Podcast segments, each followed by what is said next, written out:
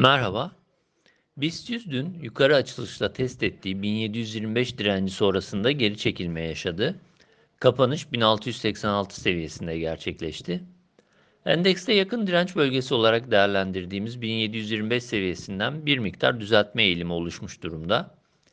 Bu aşamada yaşanan geri çekilmeyi sınırlı düzeyde ve olağan kabul ediyoruz. Endekste kısa periyotta 1675-1650 bandını yakın destek, 1610 seviyesi altını ise zayıflama bölgesi olarak değerlendiriyoruz. Bu bölge altına inilmesi durumunda ancak saatlik periyot için zayıflamadan söz etmek mümkün olabilecektir. Bant üzerindeki hareketin korunuyor olması, yakın direnç bölgesi olarak değerlendirdiğimiz 1710-1725 bandının gündemde kalmasını sağlıyor.